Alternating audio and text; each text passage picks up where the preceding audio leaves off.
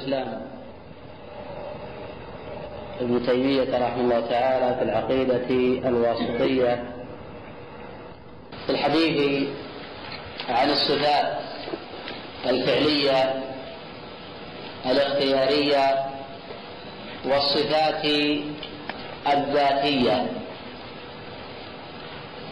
وتقدم منهج شيخ الإسلام رحمه الله تعالى في هذه العقيدة. وأنه يورد المتفق عليه بين أهل العلم.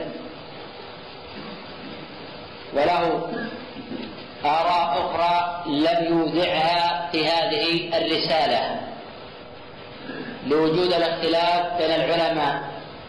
كما وضحت ذلك بالأمس على كون شيخ الإسلام لم يورد في صفة الوجه فتم وجه الله لأن العلماء مختلفون في معنى هذه الآية فأورد الأدلة الدالة على إثبات صفة الوجه التي لا يختلف فيها العلماء وأهل السنة. قوله جل وعلا وهو شديد المحال وهو أي الرب جل وعلا. شديد المحال أي الأخذ بقوة وبشدة.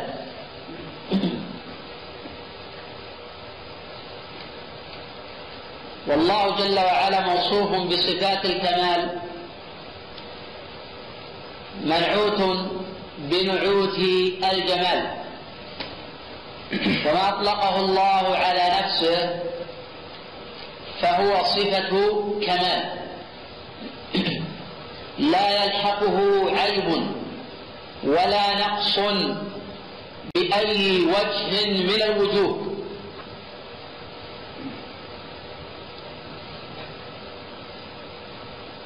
وفي تفسير قوله صلى الله عليه وسلم والشر ليس إليك. قال شيخ الإسلام ابن تيمية وتلميذه ابن القيم عليهما رحمة الله أي لا يدخل في أسمائك وصفاتك. ولا يختلف العلماء أنه مخلوق لله أن الشر مخلوق لله كالخير خلافا للقدرية وطوائف من أهل البدع.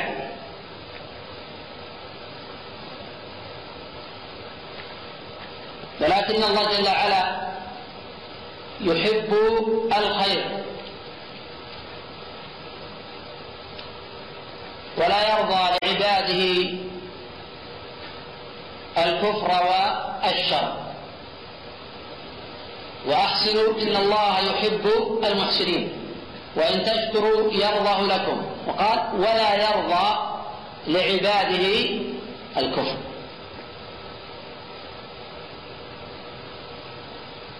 فالرب جل وعلا شديد المحال أي الأخذ بقوة. وكذلك أخذ ربك إذا أخذ القرى وهي ظالمة. إن أخذه أليم شديد.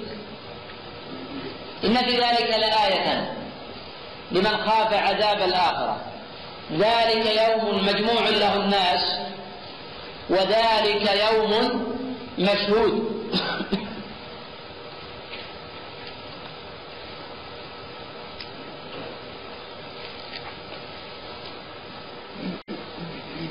الله جل وعلا يوصف بأنه شديد المحال أي الأخذ بقوة وبشدة. وقد قال لوط بما ذكره الله عنه أو آوي إلى ركن شديد يعني ربه جل وعلا.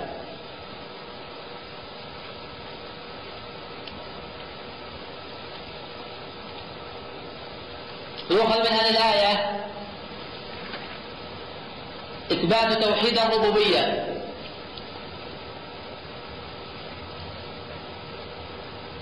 ويؤخذ من ذلك إثبات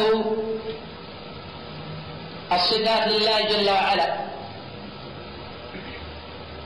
وهذا بدلالة التضمن.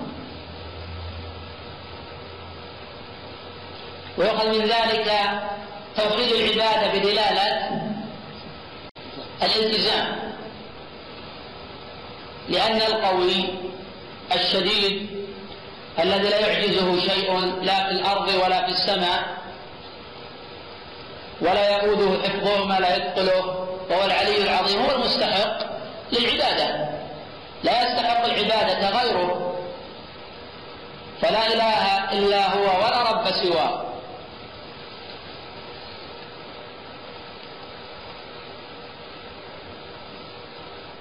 تقدم الحديث عن دلالات المطابقة وهي ثلاث ما هي؟ دلالة الالتزام ما هي الالتزام؟ دلالة الدليل على أمر أمر الخارج. لازم للمعنى نعم ودلالة التضمن التضمن ما هي؟ وهي دلالة الدليل دلالة الدليل على بعض المعنى. بعض المعنى. دلالة المطابقة؟ دلالة المطابقة دلالة الدليل على كل معنى. دلالة الدليل على كل معنى. صحيح.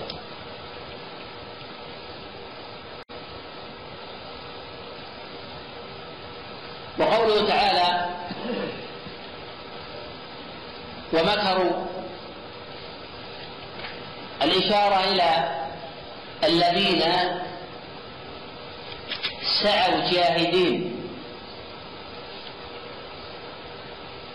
لقتل عيسى وصلبه.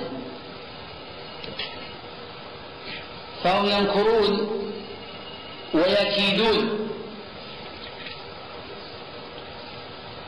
ويريدون قتل أنبياء الله وتحويل بلاد المسلمين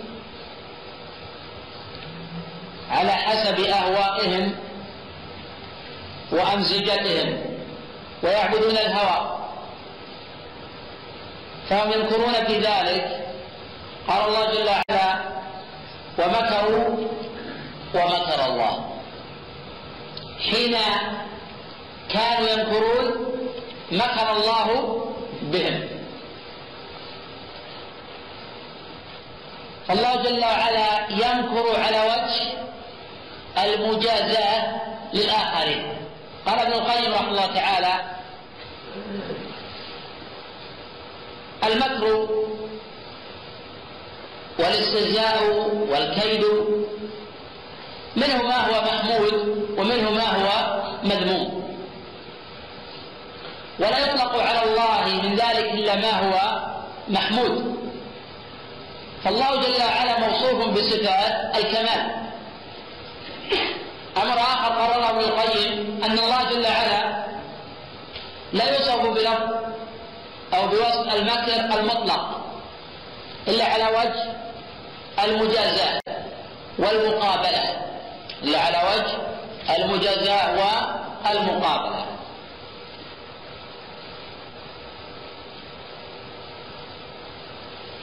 قوله ومكر الله؟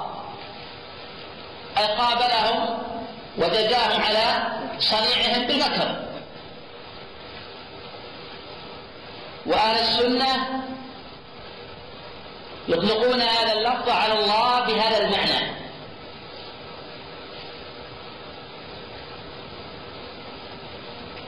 وتقدم قبل قليل إنما اطلق الله على نفسه فهو صفة كمال. وقوله جل وعلا ومكروا مكرا ومكروا مكرا مكرا توكيد الأول إشارة إلى توغل المكر في نفوسهم وإلى السعي الحثيث في إيجاد المكر بأولياء الله وأنبياء الله ورسله والصالحين من عباد الله. فلذلك وصف مكرهم بالمصدرية. فقال الله جل وعلا ومكروا مكرا. لكن ماذا قال الله جل وعلا؟ ومكرنا مكرا أكبر وأشد وأنكى من مكرهم. ومن كان الله معه فلا يضره مكر الذين يمكرون قال الله جل وعلا ولا يحيق المكر السيء إلا بأهله.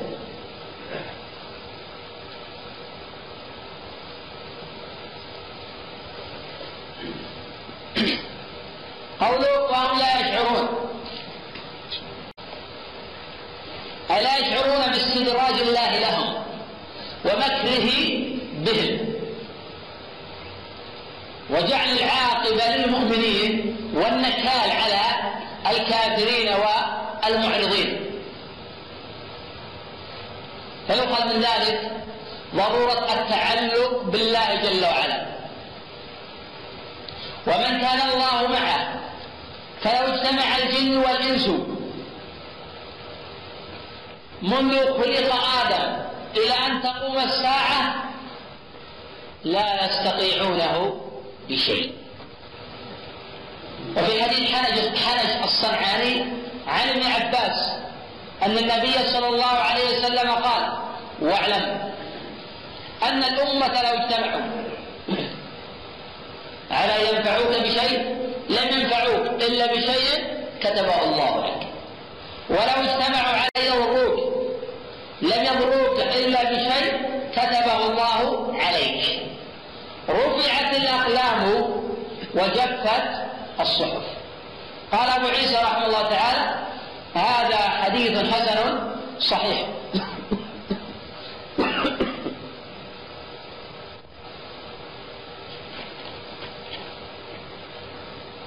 حدثت بالأمس وقبل الأمس أيضا عن دراسة وأهمية دراسة الأسماء والصفات ومعرفة وترتب آثارها. الانسان حين يعلم. ويثبت الله صفة المغفره يكون متصفا بهذا الوصف. الرحمة يكون رحيما.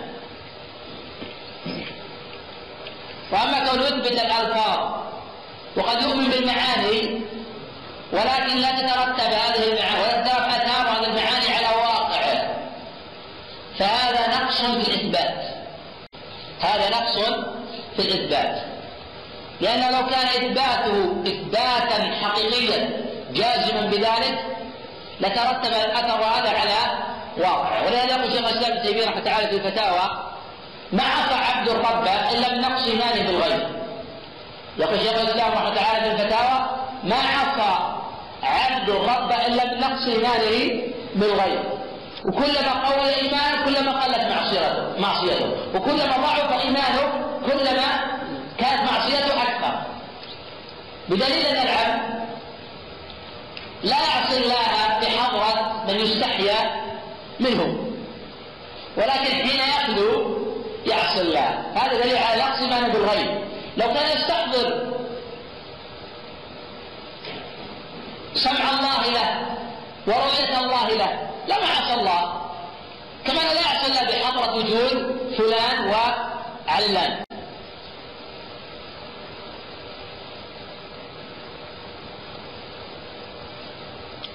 قوله إنهم يكيدون كيدا. أي يكيد أن هؤلاء الكفار والمنافقين يكيدون لدين الله وللمؤمنين. ويريدون إلحاق الضرر بحوزة الإسلام. والدين الحق. ويريدون سلخ المسلمين عن مبادئهم وعن عقائدهم. ويريدون تركيعهم للشهوات وعباد الصليب.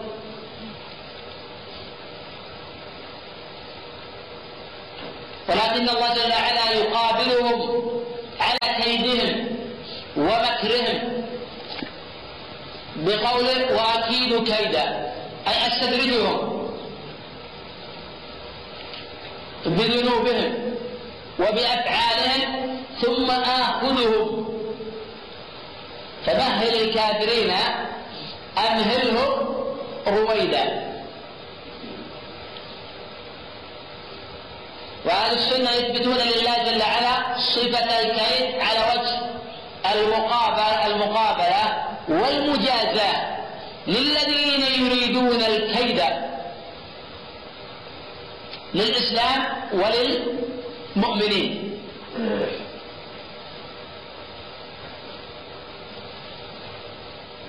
وهذا يبعث أيضا على الإيمان بالله والتعلق به. وهذا يعني إثبات الصفات لله جل وعلا. ويعني إثبات توحيد الربوبية. ويعني إثبات توحيد الإلهية. ويعني إثبات توحيد الأسماء والصفات. وقد قال ابن القيم رحمه الله تعالى ليس في القرآن آية. ليس في القرآن آية ولا حرف منه. إلا هو دال على الله جل وعلا. بدلالة التضمن أو بدلالة المطابقة أو بدلالة الالتزام. ما هناك حتى الحرف قاف دال على الله. ما نتكلم من يدخل قاف؟ هو الله جل وعلا إثبات صفة الكلام لأن الله تكلم. والمتكلم إذا؟ موجود. إثبات توحيد الربوبية. والذي خاطبنا بذلك هو المستحق للعبادة ما هناك حرف في القرآن إلا وهو دال على الله. ولعل هذا هو معنى قول الله جل وعلا. إن ربي على صراط مستقيم. إن ربي على صراط مستقيم. والتأمل في القرآن ومعرفة المعاني والإيمان بالأسماء والصفات ودراسة ذلك يترتب عليه أثر عظيم وهو التعلق بالله وزيادة الإيمان. ومعرفة الله حق المعرفة. والذين يعرفون ذلك تكون عبادتهم أخلص وأقوى من عبادة الذين يجهلون ذلك. وكلما كان إيمان العبد بذلك أتم. كان بأمر الله أقوى. وله أخلص. ولفعل الأوامر أسرع.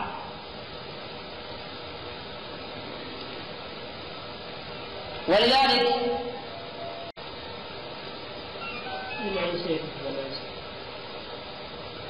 ولذلك قال الله جل وعلا عن بعض الأنبياء وعجلت إليك ربي لترضى.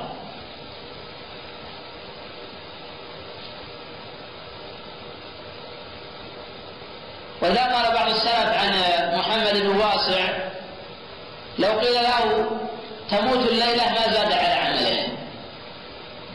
لو قيل له تموت الليلة ما زاد على عمله.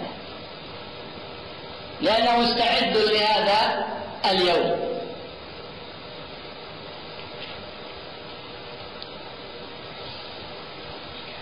وقوله جل وعلا إن تبدوا خيرا.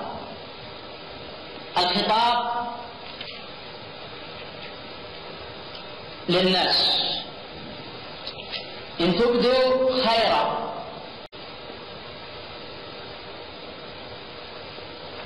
ويخص من ذلك المؤمنون. لأن الخير لا يقبل إلا إذا كان خالصا صوابا. أما الكافر إذا عمل الخير فليطعم في الدنيا كما جاء هذا في صحيح الإمام مسلم.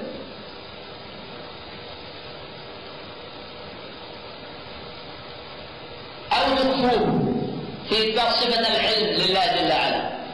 في إثبات صفة العلم. يستوي الإصرار والجهر أم يحسبون أنا لا نسمع سرهم ونجواهم بلى بلى. أي نسمع. وفي نفس الوقت ورسلنا لديهم يكتبون.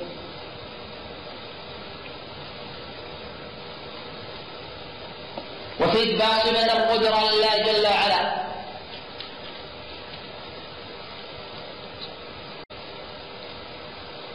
أو تعفو عن سوء. في فضيلة العفو. وحين يتصل المخلوق بذلك فالله أولى بالأمر. ولذلك تأمل في ختم الآية ماذا قال الله جل وعلا؟ فإن الله كان عفوا قديرا. إذا كنتم تعفون فإن الله يعفو مع القدرة. وأنتم قد تعفون مع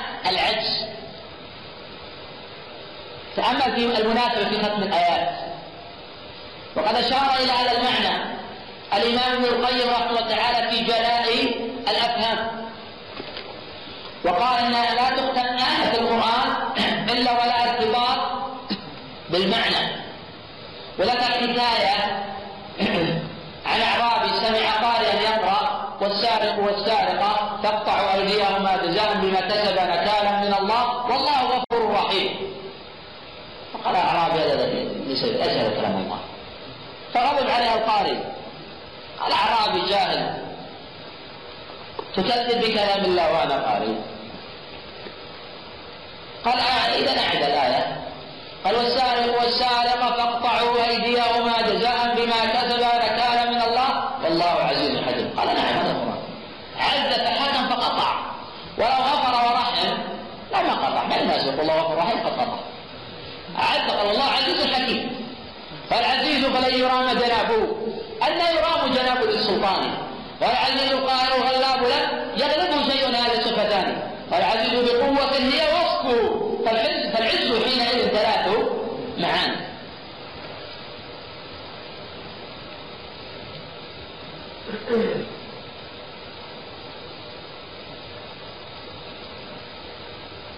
ويؤخذ من ذلك إثبات صفة العفو لله جل وعلا وهو أعم من المغفرة العفو أعم من المغفرة ويؤخذ إثبات صفة القدرة لله جل وعلا لتعلموا أن الله على كل شيء قدير وأن الله قد أحاط بكل شيء علما والذين يؤمنون بذلك يجب أن تتمثل فيهم صفة العفو.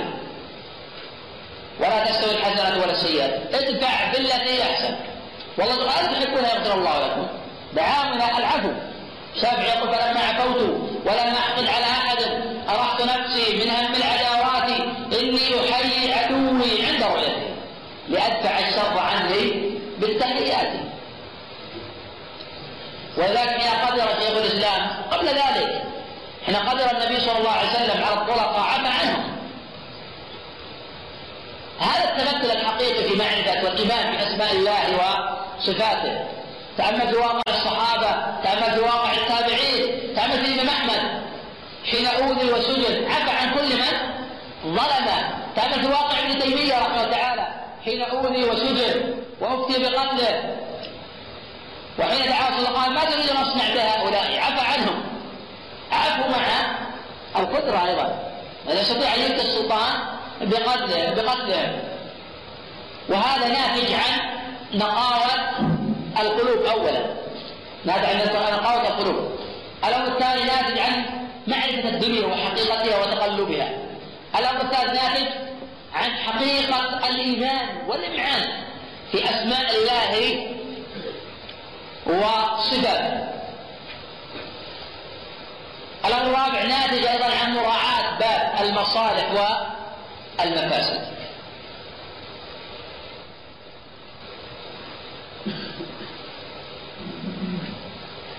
وقوله جل وعلا وليعفو هذا أمر من الله جل وعلا بالعفو؟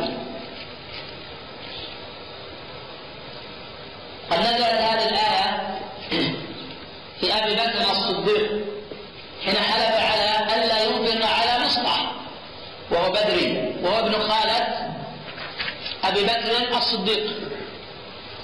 وكان رجلا معدما فقيرا. يعيش على نفقة أبي بكر الصديق. وفي نفس الوقت كان له غلطة ومتابعة لرأس المنافقين عبد الله بن أبي في وشايته وقذف عائشة بالإفك حين علم أبو بكر بذلك وأنه يسعى من إدارة الفتنة قال والله أنفق عليه أنفق عليه وابن خالتي. وفي يجاوب مع المنافقين ضد ابنته وزوجة رسول الله صلى الله عليه وسلم. فحلف أبو بكر ألا ينفق عليه. فأنزل الله وليعفوا وليصفحوا. ألا تحبون أن يغفر الله؟ قال أحب يغفر الله بعد نفق عليه. امتثال ومسارعة لأمر الله جل وعلا. وليصفحوا الله جل وعلا في صفات المؤمنين والعافين عن الناس. والله يحب المحسنين. وبقدر ما تعفو بقدر ما تجاوز الناس عن هفواتك. بقدر ما تعفو تلقائيا الناس يتجاوزون عن هفواتك. وبقدر ما تشتغل بتضخيم هفوات الناس والنكاية بهم ومطاردتهم في أقوالهم وأفعالهم. بقدر ما يتتبع الناس ذلك من كان وحينئذ تعرف قدر العفو والصف عن العباد. الشاهد سياق الآية ألا تحبون أن يغفر الله لكم؟ في صفة المغفرة لله جل وعلا والله غفور. إثبات صفة المغفرة أيضا وإثبات اسم المغفرة لله جل وعلا رحيم. تقدم الحديث عن صفة الرحمة لله جل الحمد لله رب العالمين. قال شيخ الإسلام ابن تيمية رحمه الله تعالى في الحديث عن أسماء الله وصفاته وتقرير ذلك بأدلته من الكتاب والسنة. وقد بدأ شيخ الإسلام رحمه الله تعالى الحديث عن ذلك بأدلة القرآن. وحين يفرغ من ذلك يورد الأدلة الثابتة عن النبي صلى الله عليه وسلم صلى الله عليه وسلم. لكي يعلم المسلم أن هذا الباب مبني على الكتاب والسنة ولا دخل للعقل ولا للقياس في إثبات اسم أو صفة لله تعالى. وفي نفس الوقت هذه الأسماء والصفات المذكورة في كتاب الله والتي يعلم يعلمها صبيان أهل التوحيد. وقد كان النبي صلى الله عليه وسلم يحث الناس على قراءة آية الكرسي دبر كل صلاة ويخبرهم بأن قل هو الله أحد تعدل ثلث القرآن ولم يكن أحد منهم يستشكل شيئا من ذلك. بل يؤمنون به ويثبتون لله ما أثبته لنفسه أو أثبته له رسوله صلى الله عليه وسلم إثباتا بلا تمثيل وتنزيها بلا تعطيل لأن الله جل وعلا ليس كمثله شيء لا في ذاته ولا في صفاته ولا في أفعاله وهو السميع البصير. فقوله جل وعلا ولله العزة ولله جار ومجرور خبر مقدم. ولله جار ومجرور خبر مقدم. العزة مبتدأ مؤخر. وتقديم الخبر على المبتدأ يفيد حصر مطلق العزة لله جل وعلا. وأن المؤمن يكتسب عزته من عزة الله. وذلك باتباعه للكتاب والسنة. ومن يهن الله فما له من مكرم. فلا كرامة لأحد إلا بالإسلام. ولا كرامة لأهل الإسلام إلا بالتمسك به. ومن ابتغى العزة بغير طاعة الله وبغير طاعة رسوله صلى الله عليه وسلم أذله الله. وجعل فيه الذلة والصغار. وقد قال النبي صلى الله عليه وسلم في حديث عبد الرحمن بن ثابت بن ثوبان عن حسان بن عطية عن أبي منيب الجرشي عن ابن عمر قال صلى الله عليه وسلم وجعل الذلة والصغار على من خالف أمري.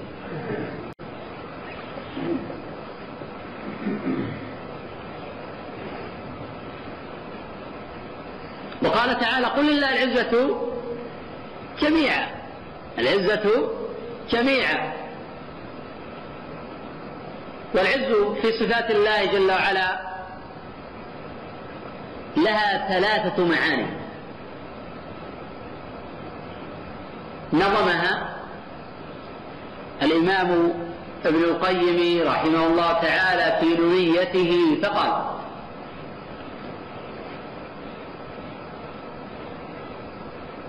وهو العزيز. فلن يرام جنابه. فالعزيز اسمه والعزة صفته. العزيز اسمه والعزة صفته. والعزيز فلن يرام جنابه. أن يرام جناب ذي السلطان. والعزيز القاهر الغلاب لم يغلبه شيء هذه صفتان. وهو العزيز بقوة هي وصفه. فالعز حينئذ ثلاث معاني.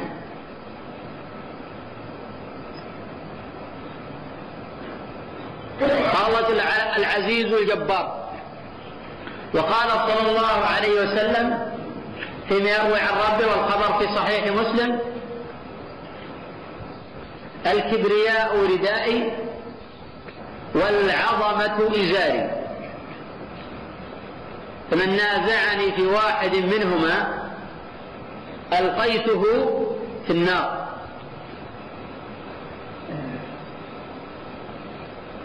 فقوله ولله العزة يؤخذ من ذلك إثبات صفة العزة لله.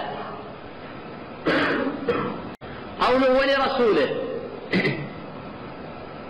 إثبات العزة أيضا للرسول وللمؤمنين.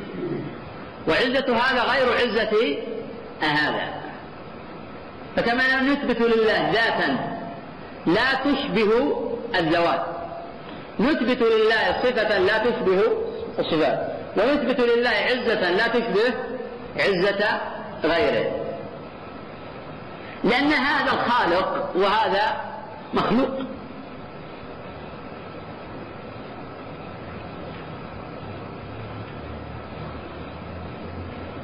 من ذلك مشروعية البحث عن العزة. والمؤمن لا قيمة له بدون عزة. وقد كان أئمة السلف يربون أبناءهم على العزة حتى تشرب الطفل العزة من صغره. فلا يمتهنه أحد في كبره.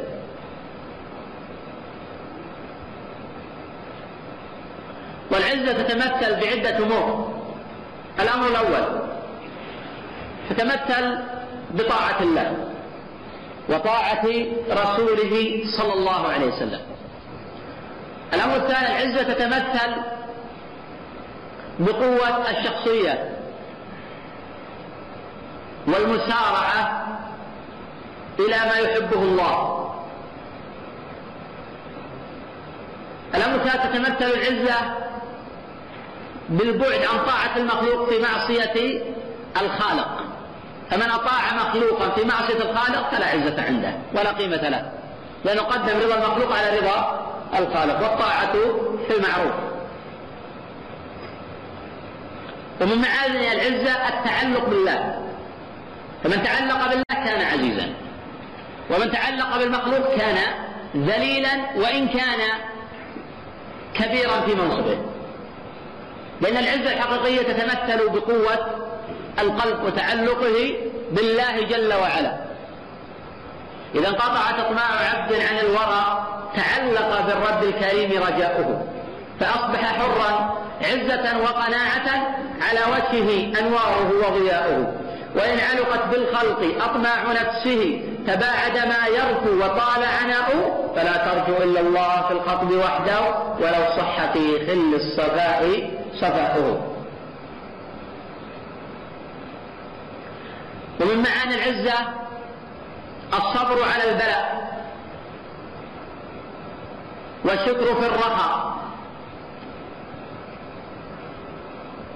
والأصل في المسلم إن أصابته ضراء صبر فكان خيرا له. وإن أصابته سراء شكر فكان خيرا له.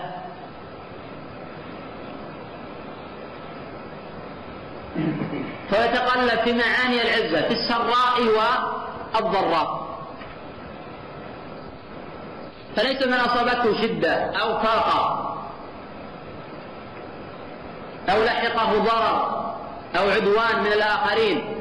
أصبح ذليلا. لا. الذليل هو من رق قلبه لغير الله. ومن لجأ بفؤاده إلى غيره. ولذلك النبي صلى الله عليه وسلم مرت عليه مرحلة كان مطاردا. تارة اختفاء في غار حراء ثم هروب من مكة إلى الطائف ثم جوار. لم يدخل مكة إلا بجوار المطعم بن عدي المشرك. ثم أخرج من مكة إلى المدينة ويتقلب في معاني العزة.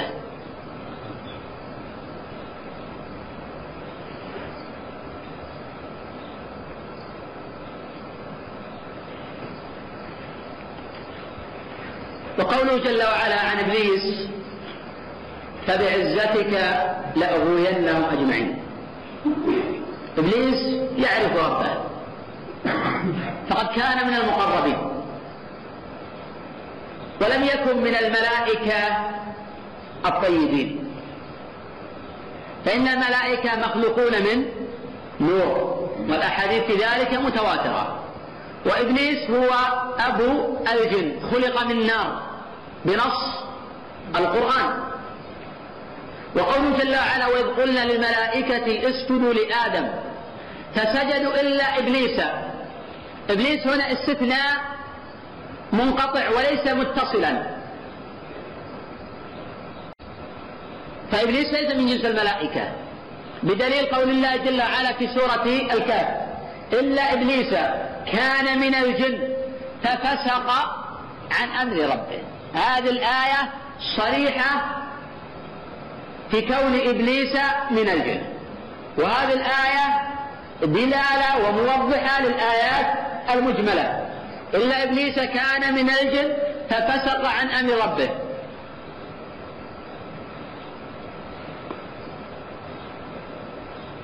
سمي بهذا الاسم. قيل إنه أبلس من الخير. وقيل لأنه أبلس من رحمة الله جل وعلا.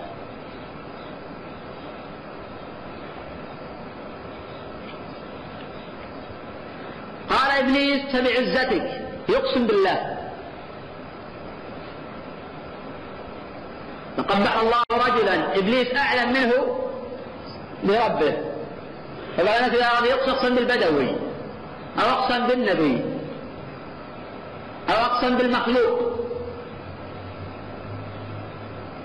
هذا لا يعرف ربه. وقد قال النبي صلى الله عليه وسلم من حلف بغير الله فقد كفر وأشرك. رواه الترمذي وغيره وأصل في الصحيحين وهو محفوظ لا تحلفوا بآبائكم. فمن كان حالفا فليحلف بالله أو ليصمت.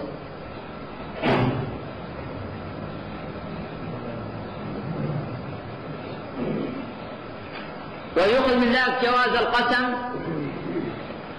بصفة من صفات الله. إذا أضيفت إلى الذات تقدم التفريق بين الصفات اللازمة والصفات المتعدية وتقدم التفريق بين الدعاء المحض وبين الاستعاذة والاستغاثة. وإن كان هذا نوعا من أنواع الطلب إلا أن الطلب المحض يختلف عن الاستغاثة وغير ذلك. وفي نفس الوقت يختلف الحلف عن غيره. فبعزته لا يجوز الحلف إلا بالله جل وعلا. لأغوينهم أجمعين. شان من ذلك؟ فبعزتك هذا دليل أن العزه صفة من صفات الله. لأن لا يجوز الحلف بالمخلوق. وصفات الله جل وعلا من الله ليست بمخلوقة باتفاق المسلمين. وأما إبليس أنه يقدر على إغواء العالمين وذلك استلق الا عبادك منهم المخلصين. ولذلك قال صلى الله عليه وسلم والخبر في صحيح مسلم إن الشيطان يأس أن يعبده المصلون في جزيرة العرب. ولكن بالتحريف بينهم. معنى هذا أن الشيطان يأس أن يطبق الناس كلهم على عبادة الأوثان وعلى دعاء غير الله. ولا يلزم من ذلك ألا توجد بقية يعبدون غير الله. لقوله صلى الله عليه وسلم لا تقوم الساعة حتى تضطرب آليات دوس على ذي الخرصة. والخبر متفق على صحته ولقوله صلى الله عليه وسلم لا تقوم الساعة حتى تعبد فئام من أمتي الأوثان. وقيل المعنى إن الشيطان هو يأس ويأس ليس بمعصوم فهو يظن بئس ما ظن. ويأخذ ذلك الحذر من نزغات الشيطان وخطواته. يا أيها الذين آمنوا لا تتبعوا خطوات الشيطان. وقال تعالى وإما ينزغنك من الشيطان نزغ فاستعذ بالله. فالشيطان ينزغ بين العباد.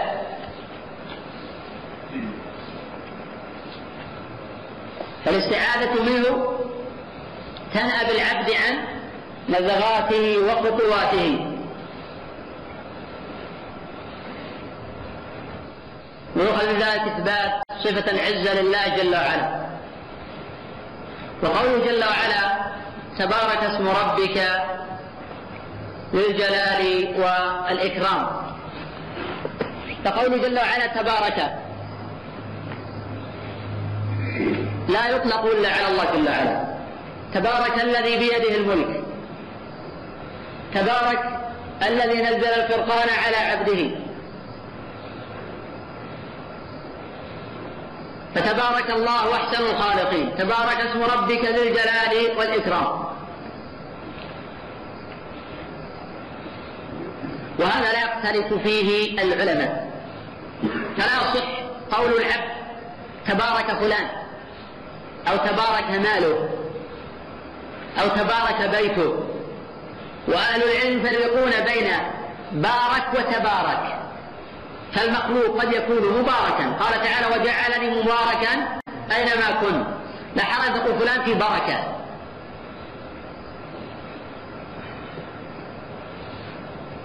فلذلك يقال مبارك. وفعل ذلك بارك.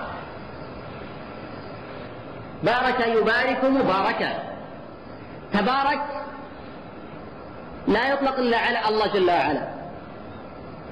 فلا يصح أن تشتق من المضارع يتبارك تباركا. إنما هذا يطلق على الله جل وعلا. ومعنى تبارك أي تعاظم وتعالى. أي تعاظم وتعالى. فالله عظيم وهو العلي الأعلى. سبح اسم ربك الأعلى وهو العلي العظيم علو الذات وعلو القدر وعلو الشرف. فلله جل وعلا جميع أنواع العلو. قال تعالى الرحمن على العرش استوى ثم استوى على العرش الرحمن. أأمنتم من في السماء؟ قد قال النبي صلى الله عليه وسلم للجارية أين الله؟ قالت في السماء. وهذا أمر فطري وقد فطر الله عليه عباده.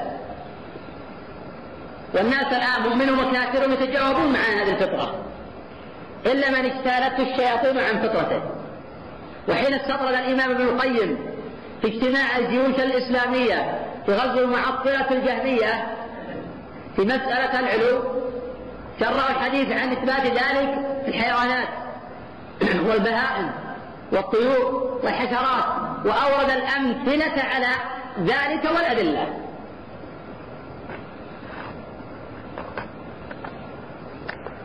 فقوله جل وعلا اسم ربك قال الله جل وعلا ولله الأسماء الحسنى فادعوه بها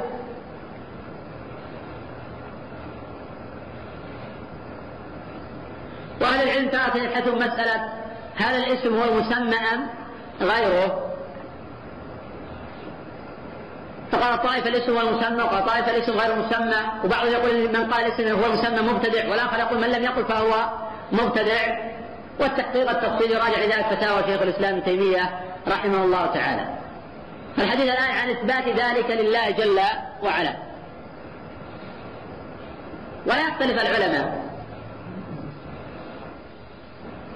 أن الله هو العزيز الغفار الرحيم الحكيم الخالق البارئ المصور. هذه أسماء لله جل وعلا. فليس معناته إذا تعدد فلا تتعدد الذوات هذا ضلال كفر بالله جل وعلا. ولكن هذا للتعظيم لعظمة الله له أسماء متعددة.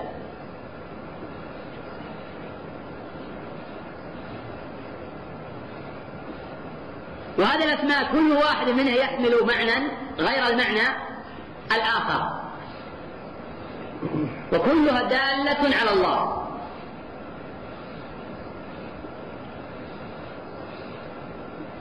قول ربك الرب هو المعبود. الرب هو الخالق الرازق المدبر.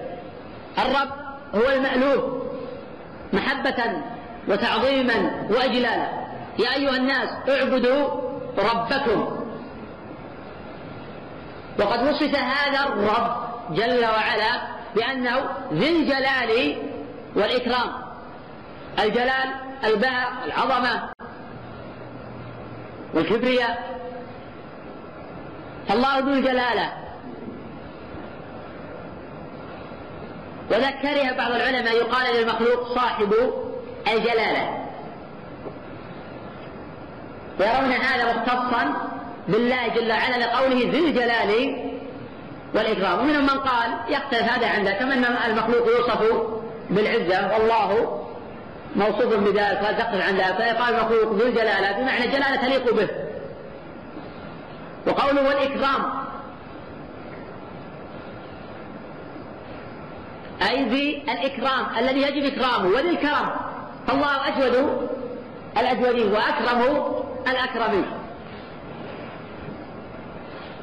ولذلك في الحديث إن من إجلال الله إجلال ذي الشيبة وحامل القرآن. أي من تعظيم الله ومن تقديره واحترامه والقيام بحقه بحقه. أن تكرم ذا الشيبة وحامل القرآن. ويؤخذ من ذلك إثبات الأسماء والصفات لله جل وعلا. وأهل السنة لا يختلفون في ذلك يثبتون ذلك على مراد الله ومراد رسوله صلى الله عليه وسلم. وقوله جل وعلا فاعبده هذا أمر بعبادته. والعبادة اسم جامع لكل ما يحبه الله ويرضاه. من الأقوال. من الأقوال والأفعال الظاهرة والباطنة.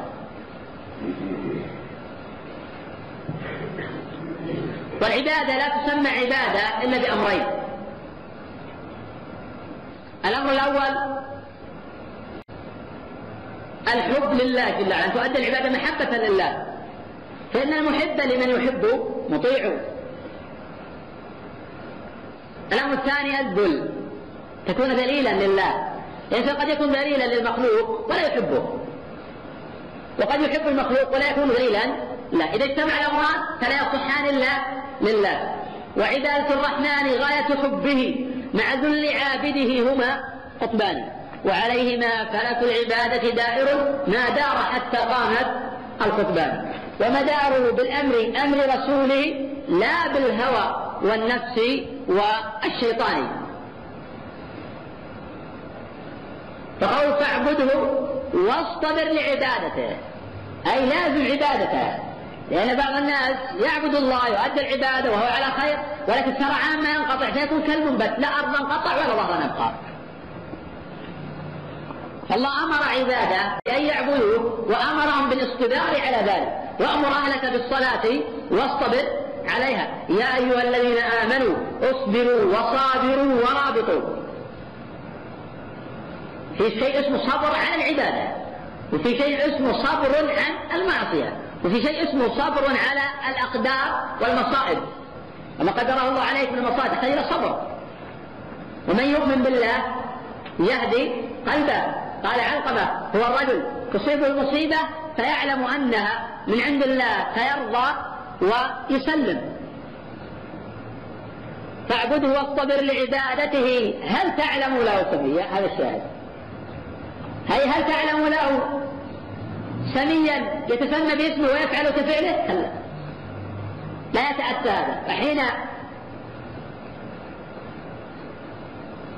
شقي مسيلمة الكذاب وأغواه الشيطان وأضل سواء السبيل فنصب نفسه. رحمن اليمامة ألبسه الله جلباب الكذب. ولا يعرف هذا الخبيث إلا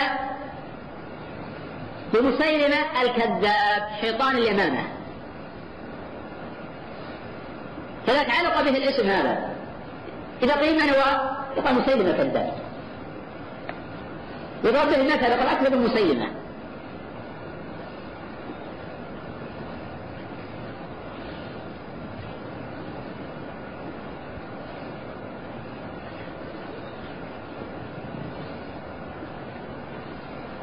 وقوله جل وعلا أيضا أإله مع الله. أن يفعل كفعله ويخلق كخلقه ويدبر كتدبيره ويقدر كقدرته لا.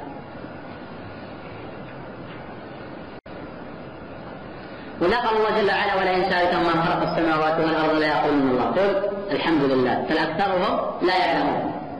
لله ما في السماوات والأرض إن الله هو الغني الحميد. وقوله جل وعلا ولم يكن له كفوا أحد. بضم الفاء. يعني بعض الناس يقرأ ذلك في سكون الفاء. الحفص عن عاصم بضم الفاء. ولم يكن له كفوا كفوا أحد.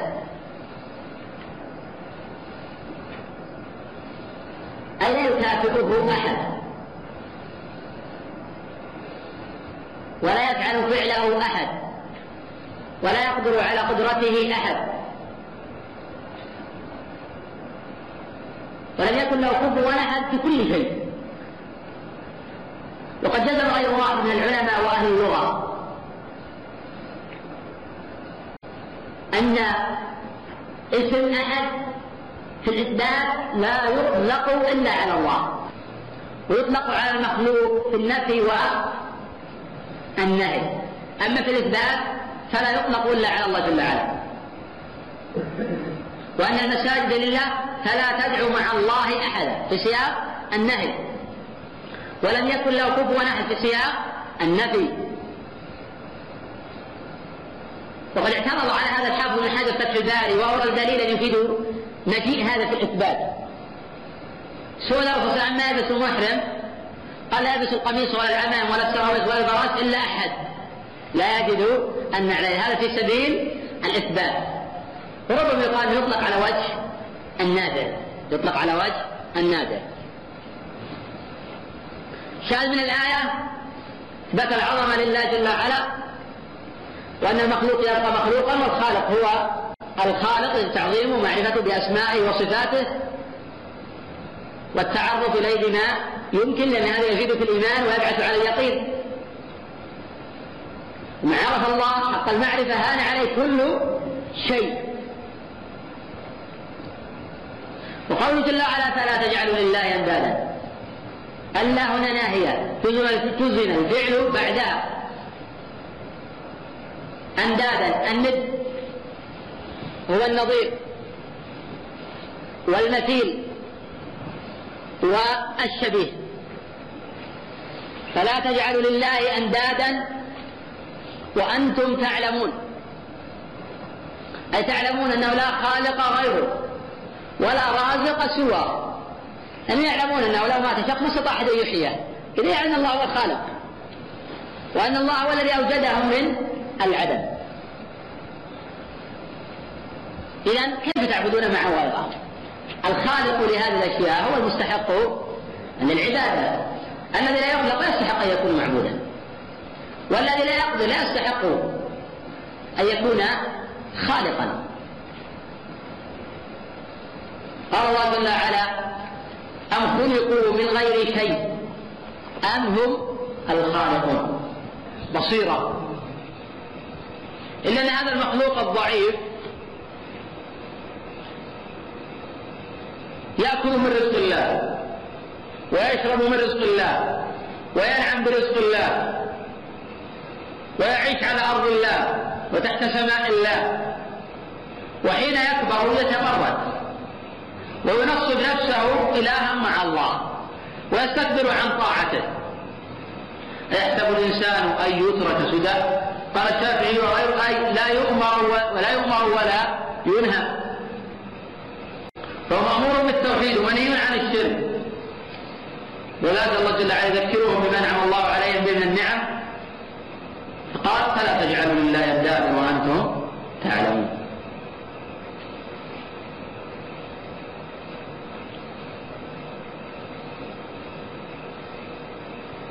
يؤخذ من الآية أن الله ليس له نظير ولا مثيل. قال تعالى ألا له الخلق والأمر. والذين تدعون من دونه ما يملكون من قطمير. وقال إن تدعوهم لا يسمعوا دعاءكم ولو سمعوا ما استجابوا لكم ويوم القيامة يكفرون بشرككم ولا ينبئك مثل خبير يعني نفسه.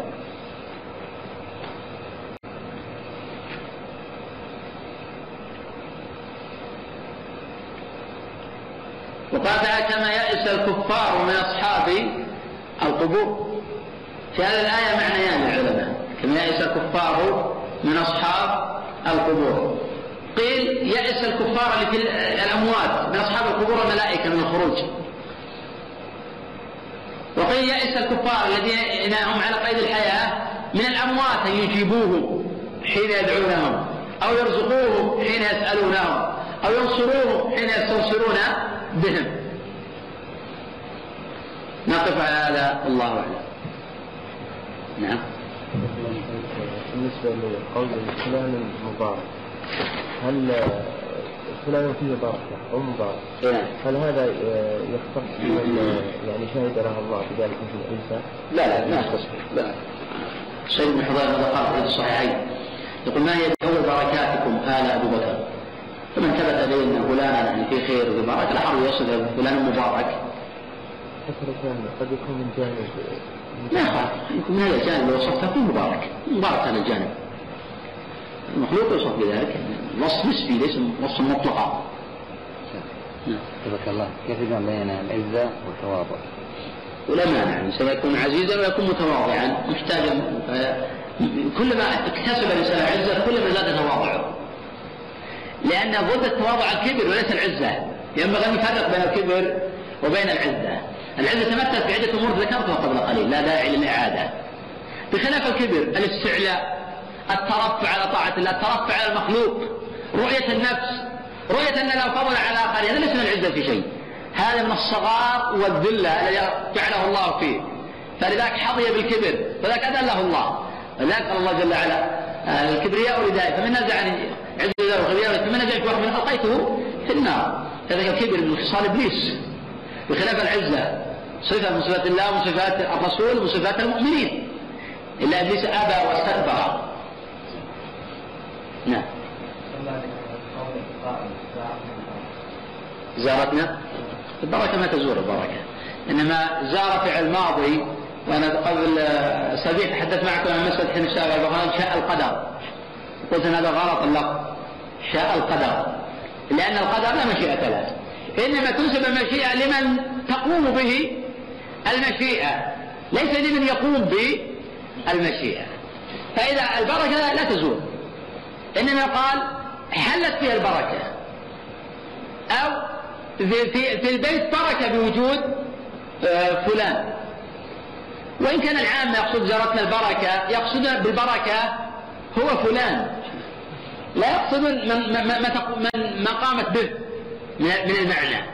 اللفظ غلط الأسلوب غلط لكن المعنى واضح عند العامة ماذا يقصدون وماذا يعنون. نعم؟ لا هذا من الأسماء المشتركة العزيز. قالت امرأة العزيز. هذا من الأسماء المشتركة ليس من الأسماء الخاصة. لكن حيث المعنى واضح. نعم. يجوز أن يقال فلان امرأة. هو لا حرج لأن التعظيم نسبي. لأن النبي صلى الله عليه وسلم حين كتب إلى هرقل والخبر في الصحيحين قال من محمد عبد الله ورسوله هذا التواضع محمد عبد الله ورسوله بعض الناس قبل يقدم يسبق اسمه آه، عشرة ألقاب. فضيلة الشيخ الدكتور العالم وزير كذا يفعل كذا وكذا وكذا وكذا. فدائما اللي عنده نقص.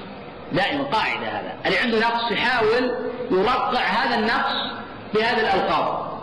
أما اللي هو واثق من نفسه ما يحتاج. فلان ابن فلان أحمد بن تيمية. دائما نقول قال أحمد. ربما يسبق قال الإمام أحمد. ومع ذلك قلنا قال الإمام أو قال أحمد هو في الحقيقة عظيم في النفوس. لا يحتاج أن يسبقه. ليس بدكتور ولا أستاذ مشارك ولا ولا ولا ولا ولا يحتاج إلى هذا الألقاب. هذا يتحلى بهذا الألقاب ما كان عنده نقص. يحاول يعوض النقص بهذا اللقب. وذاك هؤلاء هم أقل ناس بركة في المجتمع. فلذلك آه النبي صلى الله عليه وسلم محمد عبد الله ورسول إلى هرقل عظيم الروم. فدل أنه لا حرج من آه وصف الرجل بالعظمة نعم في حديث ابن مالك أمر الرسول صلى الله عليه وسلم أن يرد هذا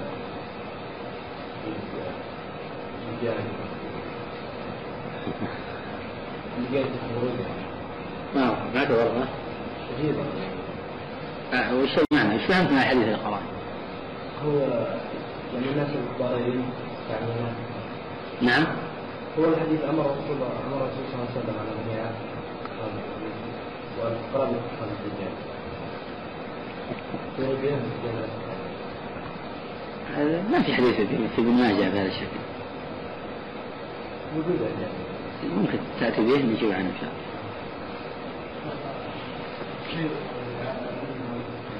نعم. أي نعم تأويل غلط من في السماء من قال قوته وعظمته غلط. من في السماء أي على السماء إثبات علو الله. ومن لوازم علو الله القوة والعظمة وإلى آخره. من اللوازم. نعم. كان العبادة الحب والخوف والرجاء نعم من وجه من وجه شرط العبادة أقسام العبادة أو لوازم العبادة. من وجه تنقسم إلى محبة وخوف ورجاء. من وجه آخر إلى إخلاص ومتابعة من وجه آخر إلى محبة وذل كل هذه معاني صحيحة.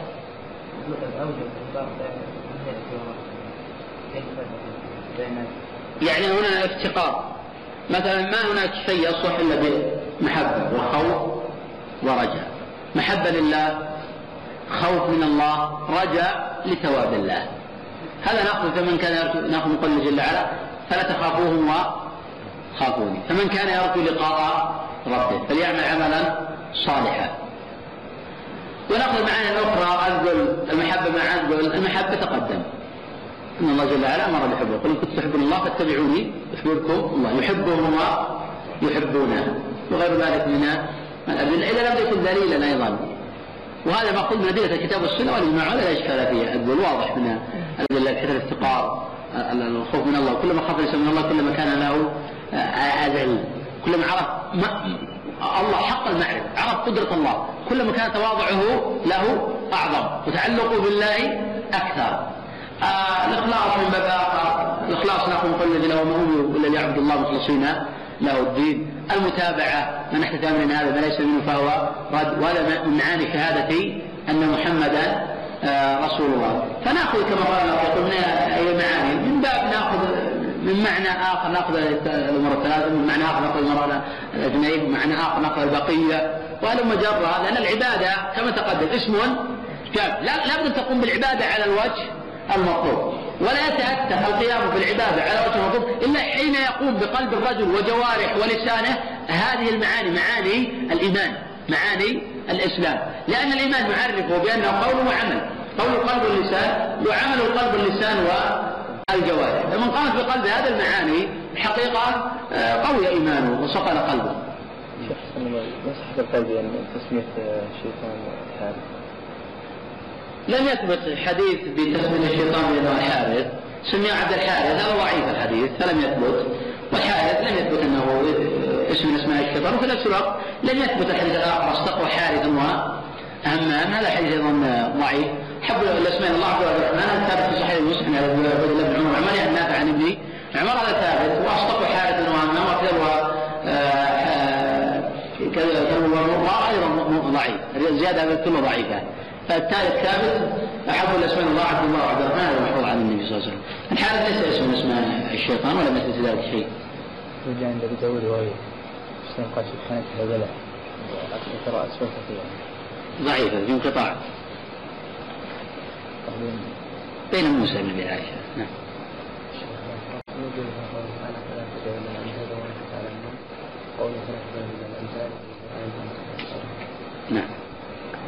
شو التنافي. هنا قال فلا تجعل الله اندادا وأنتم تعلمون. يعني الله ان تعلمون أن الله خلق الرازق. إيه فلا تقول الامثال بحيث أنهم يشبهون الله بخلقه. فالآية هذه توافق هذه الآية ما في تنافي شو اسم التنافي؟ أو الإشكال عندك؟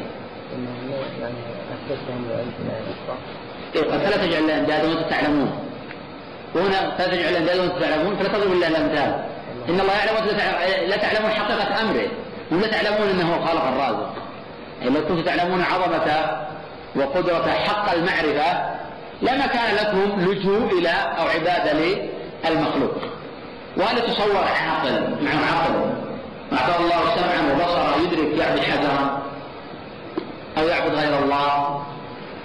ويعلم الله الذي خلقه إذا خلقك الله تعبد غيره. خلقك الله لتعبده. إذا هذا لا يعلم. عظمة الله ولا قدرة الله. فلذلك ليس معنى لا يعلم إنه لا يواخذ فرق بين نفي العلم عنه وإنه لا يواخذ فرق بين عبارتين. شيخ علق يريد المنع الحظ هو الأصل في الظهار أنه لا يجوز تعليقه على المنع الأصل. يحرم على العبد يعلق الظهار على حث أو على منع.